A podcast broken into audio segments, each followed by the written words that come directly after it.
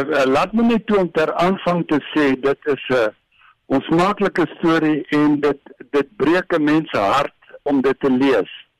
Omdat ek persoonlik vir Magnus en John Wiley uh, goed leer ken het en 'n mens dink aan al hulle naasbestaandes en vriende en familie. Dus, 'n mens moet hierdie saak met groot omsigtigheid hanteer. Maar ek is egter van mening dat uh, die uitgewers, die skrywers is van mening dat hulle op goeie regsgronde staan en daarom volhard om hierdie storie oor te vertel. Maar hoe ook al dis jammer dat dit moontlik in 'n sensasie storie ontaard.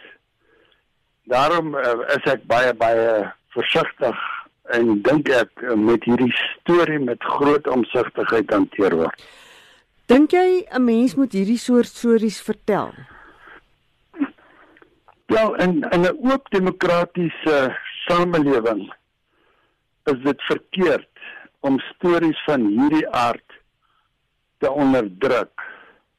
Die feit dat jy jou beywer vir 'n oop demokratiese samelewing waar vryheid van spraak geld, neem nie dat jou vryheid van spraak van 'n ongebreidelde aard is nie.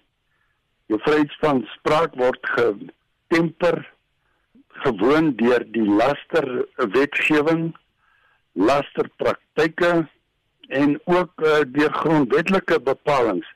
So daar is bande en grense.